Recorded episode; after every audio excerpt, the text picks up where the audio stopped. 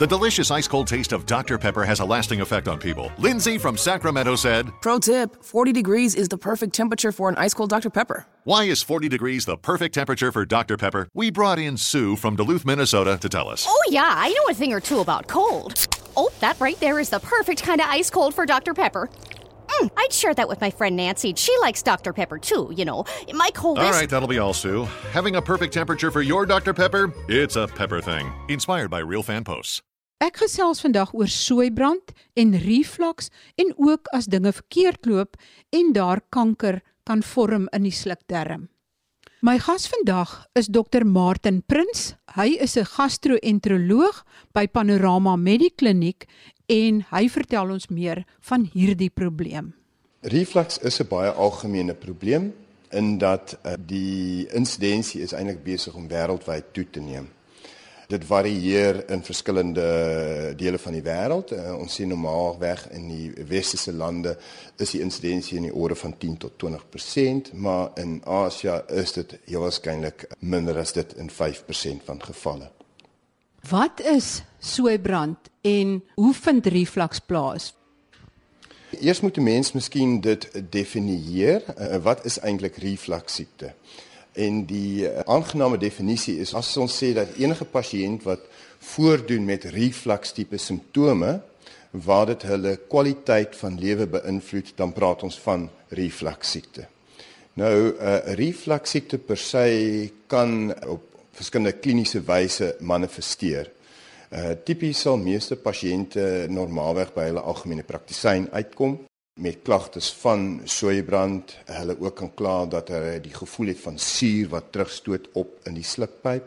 In sommige gevalle sal die pasiënte ook kla dat dit soms moeilik of pynlik is om te sluk en hulle kan ook voordoen met wat ons sê dyspeptiese klagtes of ongemak oor die krop van die buik.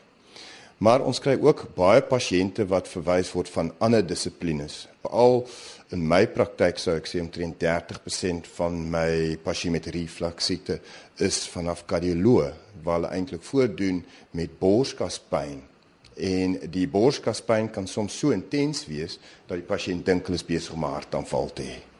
En dan tipies sal die kardioloog dan verder ondersoeke doen, miskien inspanning EKG of as dit genoodsaak is 'n angiogram en sien dat eintlik alles normaal is en dan behoort hulle eintlik vir die pasiënt te vra maar kry jy soeibrand. Ons kry ook op 'n minder gereelde basis verwysings van 'n uh, pulmonoloog en oorneus en keel spesialiste uh, waar hulle kan voordoen met simptome soos kroniese heesheid, kroniese droë hoes, Daar's ook uh, soms 'n assosiasie tussen asma en reflux. So sommige pasiënte sal uh, sukkel om hulle asma onder beheer te kry, uh, veral met hulle reflux. Dan uh, kry ons gereeld verwysings van oorneus en keel spesialiste, uh, seer keel, uh, postnasale drip, ook soms geblokte ore. Ek het ook twee pasiënte in die praktyk wat uh, verwys deur tandartse waar die agterste tande uh, eintlik beseer is deur die suur wat gereflux word. So dis eintlik 'n baie wye spektrum hoe hierdie pasiënte eintlik voordoen. Gebeur dit ook soms dat pasiënte dink hulle het soeibrand en dan hulle eintlik 'n hartaanval nie? Uh, net so omgekeerd uh, kan dit ook so gebeur uh, dat die pasiënte eintlik voordoen uh, en dit is 'n erkende uh, kliniese sindroom dat pasiënte wat soms met soeibrand voordoen of atipiese borskaspyn of nog selfs dyspeptiese klagtes kan eintlik ook onderliggend dan 'n uh, iskemiese hartsiekte hê. En dit is altyd wat 'n mens moet vir uitkyk vir as jy pasiënt hier sien en jy sit die pasiënt op terapie en die pasiënt sê vir jou Martin maar my soeibrand is baie beter maar hulle het nog steeds hierdie atipiese borskaspyn Wat gebeur in jou lyf as jy soeibrand kry of reflux ondervind? Kyk wat normaalweg gebeur met 'n persoon as jy kos eet. Uh, jy kou jou kos en jy sluk die kos. Die kos gaan af by jou slukdarm en dit gaan eers deur wat ons noem die uh, UES uh, op Engels uh, upper esophageal sphincter. En dan kry jy peristaltiese golf wat die kos afstoot by die slukpyp. En dan uh, waar die slukpyp by die maag aansluit waar dit die mantelvlies gaan, is daar 'n kleppie en dit noem ons die laar esophageale sphincter. Is 'n ringkleppie En daai kleppie is basies altyd toe. Nou wat gebeur normaalweg fisiologies is dat die kos beland by daai onderste kleppie en daai kleppie verslap. Uh die kos val deur in die maag en daai kleppie maak toe. Wat dan gebeur is die kos rek die maag. En dit is fisiologies vir die maag 'n potente stimulus om suur te produseer. Nou die patofisiologie agter refluksiekte is dit het te doen met hierdie kleppie. Nou dit is 'n baie komplekse kleppie in dat dit het te doen met jou crura van jou mantelvlies. Daar's ook 'n sfinkter en ook die hoek van die slukpyp hoe hy in die maag gaan seker die algemeenste oorsaak eh, dat daar iets fout is met die kleppie is 'n toestand wat ons praat van verbygaande laar esofagale sfinkter verslapping. En dit is die algemeenste rede vir reflux in dat hierdie kleppie verslap vir een of ander rede en ons weet nie hoekom nie. Die tweede rede kan wees dat daai klepdruk verlaag is sodat hy hom nie mooi toehou nie. Die derde moontlikheid is dat jy het iets soos 'n mantelvliesbreek. En wat basies 'n mantelvliesbreek behels is waar 'n gedeelte van die maag prolabeer deur die kleppie tot in die slukpyp. So nou het jy eintlik 'n uh, maagmikose wat bo die kleppie sit en wat suur afskei. En dan wat ons ook baie sien en dit kan soms uh, gemis word is dat die samentrekking van die slukpyp is nie 100% nie.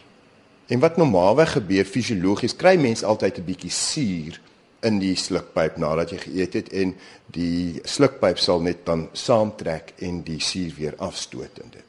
So dit is die vier basiese fisiologiese teorieë agter wat refluksiekte veroorsaak. Ons weet ook dat daar is ander faktore wat 'n rol speel by refluksiekte. Refluksiekte in 'n eerste wêreldse lande is besig om toe te neem en dit het te doen met dat mense oorgewig is of obesiteit. En baie van die pasiënte wat in hierdie praktyk opdaag, sal vir hulle sê, "Maar Martin, as ek gewig verloor, dan is my reflux definitief beter." En dan is daar ook natuurlik uh, al jou goedes wat verwant is aan jou dieet. Tipies uh, goedes wat 'n effek het op die kleppie self. En dit is mense wat miskien baie koffie drink, kafeïne, want dit verminder die klepdruk vetterige kosse, nikotien, mens wat rook. Daai 3 het per se 'n effek op die klepdruk. Uh mense sal ook tipies vir jou sê dat as hulle sekere kosse eet, sterk kosse, curries, tomaties, piesangs, appels, want al daai uh kosse is baie hoog in kalium en kalium is 'n suur.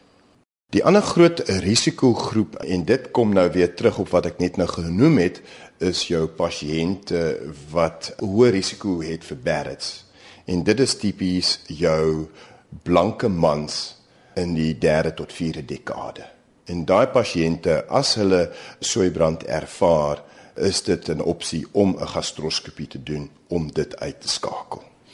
Die ander groot risikofaktor is uh, mense oor ouderdom 50 wat nou voordoen met 'n refluksiete daarmee toe mens ook altyd gaan oorweeg om 'n endoskopie te doen. En die tendens deesdae in Europa en Amerika is uh, praat ons van oor ouderdom dit hang af in watter land jy is 45 of 50 jaar oud om een keer in 'n lewenstyd 'n gastroskopie te doen. Die ander indikasie is natuurlik uh, enige pasiënte wat alarmsimptome het, gaan mense altyd 'n endoskopie doen. So mense met onverklaarbare naarheid of braaking of as hulle het wat ons noem hematomese waar hulle bloed opgooi, moet 'n mens altyd gaan verder kyk. Nou as 'n mens iemand van die straat afneem met soeibrand en jy doen wat ons noem 'n gastroskopie. Dit is waar mens nou met 'n kamera by die slukpyp, die maag en die dun darm gaan kyk. In 45% van pasiënte sal jy seertjies sien aan die onderkant van die slukpyp. En dit is wat ons noem in mediese terme erosies. En daar word basies twee klassifikasies deur die gastroenteroloog gebruik. Die een is die Savary-Gillard klassifikasie en die ander ene wat uh, meer eintlik gebruik word is die Los Angeles klassifikasie. En dit uh, gradeer ons van A tot D, waar D die ergste is en A die ligste graad van aantasting is. Normaalweg uh, as jy iemand skoop met die eerste skoop en hulle is 'n graad A of 'n B en hulle kom terug na 5 jaar en sê Martin, miskien moet ek weer gaan kyk, is dit heel waarskynlik nie nodig nie tensy hulle alarmsimptome het. Want uh, ons sê normaalweg is dit nie progressiewe siekte. Jy jy sal normaalweg op dieselfde vlak van aantasting bly soos met jou eerste diagnose. Die ander 55% sien jy hulle die slukpyp blyk eintlik heeltemal normaal en dan praat ons van nie erosiewe reflux siekte. Maar as mens dan verder ondersoeke doen, dan sal jy sien hulle kan ook reflux hê al lyk dit normaal. En dit het heel waarskynlik te doen met die hoeveelheid suurblootstelling wat jy het ook. Mens moet net altyd ook versigtig wees wanneer jy met 'n pasiënt wat nie erosiewe reflux siekte het, enigstens oorweeg dat jy dit wil chirurgies behandel. As 'n pasiënt dan nou by jou kom en dit is nou soeibrand maar sonder allerlei alarmsimptome, watter pad loop jy dan met daai pasiënt wat behandeling betref? Weereens dit hang af dan van hoe erg die reflux tipe simptome is. As dit 'n jong persoon is, en hy het minimale simptome, dan het mense die opsies om iets soos 'n wat ons noem 'n H2 blokker te gebruik. En dit is medikasie soos Zantac, Tagamet.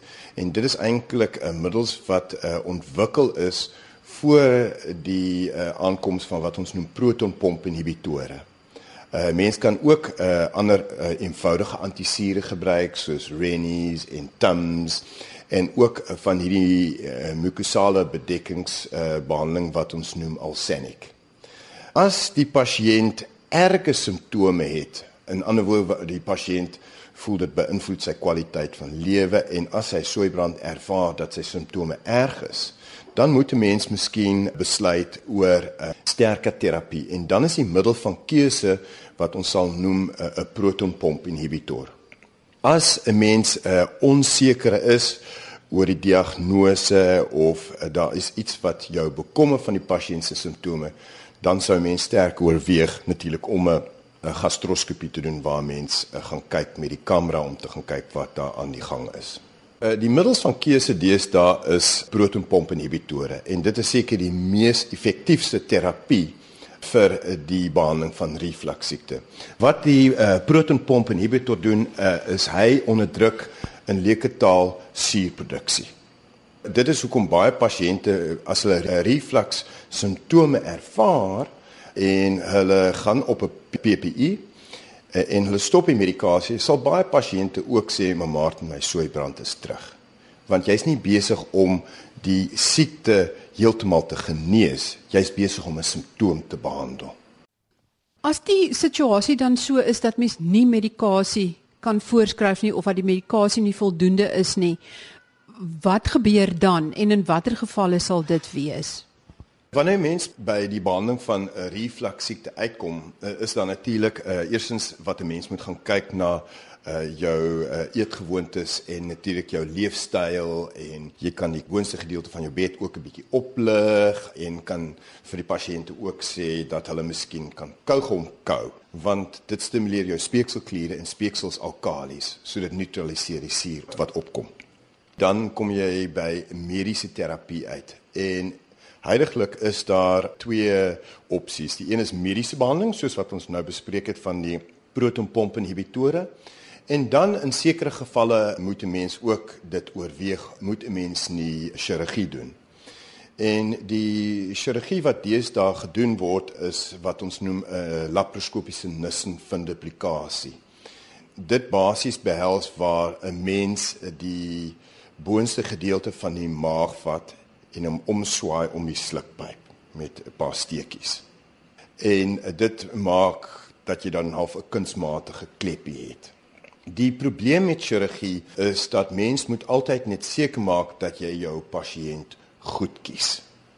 Daar is wel sekere indikasies vir anti-reflux terapie, naamlik die Lapnissen.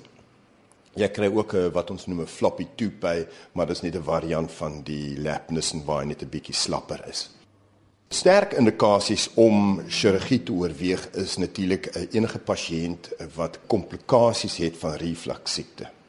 soos waar die pasiënte sit met asma en jy kan duidelik sien dat dit die reflux vererger dit. Maar daar is nog nooit uh, studies wat dit oortuigend kon bewys en die teorie agter hoe reflux asma veroorsaak is dat jy kan eers 'n direkte spoeling kry in die longe dat dit heeltemal opgaan by die slukpyp of die tweede teorie is dat as gevolg van die reflux in die maag dat jy kry 'n vagale respons wat dan gemanifesteer word as uh, die longe wat toetrek. So as jy komplikasies het van reflux siekte soos 'n struktuur of ulcus of asma dan moet 'n mens sterk oorweeg moet jy 'n anti-reflux prosedure doen. Natuurlik ons praat ook van pasiënte wat ons noem volume refluxes. En dit is waar die mense vir jou sal duidelik beskryf, maar Martin, die kos of die water kom sommer op in my keel. En dit is ook per se 'n indikasie. As mens kyk na watter pasiënte die beste kans op sukses het, watter pasiënte sal jy dan vir chirurgie stuur? dan praat ons van prognostiese faktore.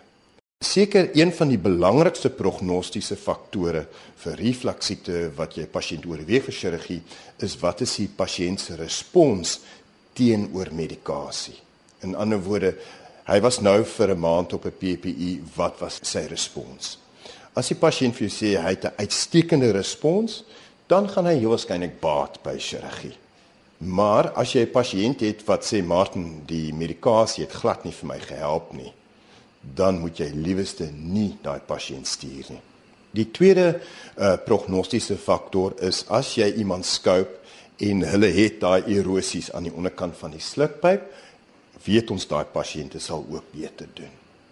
Die derde prognostiese faktor is dat as jy uh, 'n uh, pasiënt het met 'n uh, mantelvliesbreek of 'n hiatusbreek, en hy is betekenisvol groot, daai pasiënt sal ook baat. Die vierde groep is in enige pasiënt wat jy oorweeg om vir chirurgie te stuur, moet 'n mens altyd 'n ondersoek doen wat ons noem manometrie. En manometrie is essensieel 'n kateter wat ons by die neus afsit tot in die maag en hy kan drukke meet. En want hy kan dan vir jou sê is daar enigstens fout met die samentrekking van die slukpyp? Wat is die klepdruk? En verslap hy op die toepaslike tyd soos wanneer kos daar aankom? En hy kan ook vir jou sê as jy 'n breek het, hoe groot is die breek? En as jy sien dat daai pasiënt duidelik 'n uh, 'n baie lae wat ons noem lae esofagale sfinkte druk het, dan sal daai pasiënt ook jy waarskynlik baat by chirurgie. Die vyfde prognostiese faktor is waar jy pasiënte het wat onderliggend ook 'n prikkelbare darm het of irritable bowel syndroom of jou ander groep van pasiënte wat nou nie daai seertjies het nie wat ons praat van nie erosiewe reflux siekte dink net baie sterk of jy die pasiënt gaan opereer ja of nee. Want dit is duidelik bewys in pasiënte onderliggend met prikkelbare darm of nie erosiewe reflux uh, siekte dat hulle prognose na chirurgie is nie so goed soos die ander mense se nie. Dit is ook verskriklik belangrik dat wanneer 'n mens chirurgie oorweeg dat jou pasiënt by 'n ervare chirurg uitkom want dit is duidelik bewys daar is 'n korrelasie tussen die sukses van die operasie met die tegniek en die ervaring van die chirurg sommige kere is daar nogal druk van die pasiënt om die chirurgie te oorweeg.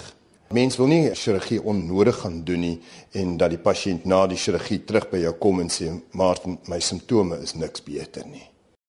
As dit 'n mantelvliesbreuk is, herstel jy dan die mantelvlies of skep jy weer so kunsmatige klep wat jy deeltjie van die maag om die eh, slukdarm vou? Uh, ja, eh, 'n uh, mens sal altyd as jy 'n mantelvliesbreuk het, dit reduseer en dan doen jy die wrap.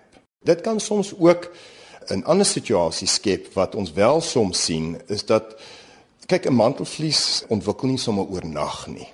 Sommige pasiënte kan al vir jare daarmee rondgeloop het uh, en nou skielik meer bewus van hulle simptome is. En die probleem is dan praat ons ook van die probleem waar ons van praat die kort esophagus dat die esophagus is so in die borskas en om hom te reduseer kan soms baie moeilik wees vir die chirurg. As daar reeds van daai erosie seertjies is, kan dit weer herstel of nie?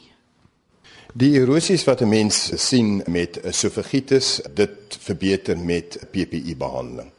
Daar's eintlik sekere situasies soms as die pasiënte erge esophagitis het, waar ons praat van graad C of D, dan is die Amerikaanse riglyne eintlik dat na 2 of 3 maande se terapie 'n mens eintlik endoskopie wil doen om te gaan kyk of erosies weg is. Dit is soms baie moeilik om Barrett's te diagnoseer in die teenwoordigheid van esophagitis. So dis soms dan ook die moeite werd om die pasiënt streng te behandel met 'n PPI en dan 'n endoskopie te herhaal en weer histologie te neem van die area wat jy nou identifiseer het as Barrett's. Kan jy bietjie meer verduidelik oor Barrett's esophagus? Barrett's is nie dieselfde as esophagitis. Esophagitis is waar jy klein erosies kry in die onderkant van die slukpyp wat jy waarskynlik direk verwant is aan die suur wat opkom. Barrett's is waar jy kry opwaartse migrasie van jou maagslijmvlies in die esophagus.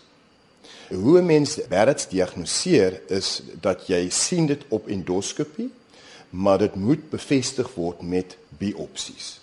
So tydens 'n gastroskopie as jy vermoed jy sien Barrett's, moet 'n mens altyd biopsies neem. En dan wat baie belangrik is in hierdie pasiënte is om te gaan kyk in mediese terme wat ons noem displasie. En displasie is wat 'n mens op histologie sien waar daar eienskappe op die selletjies is wat nie heeltemal normaal is. En dan kan 'n mens displasie opdeel in laaggraadse displasie en hoëgraadse displasie.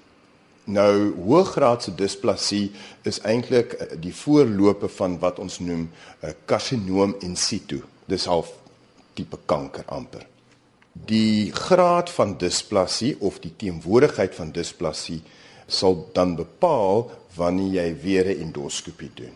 As daar geen displasie is, dan kan jy 'n gastroskopie herhaal oor 3 tot 5 jaar.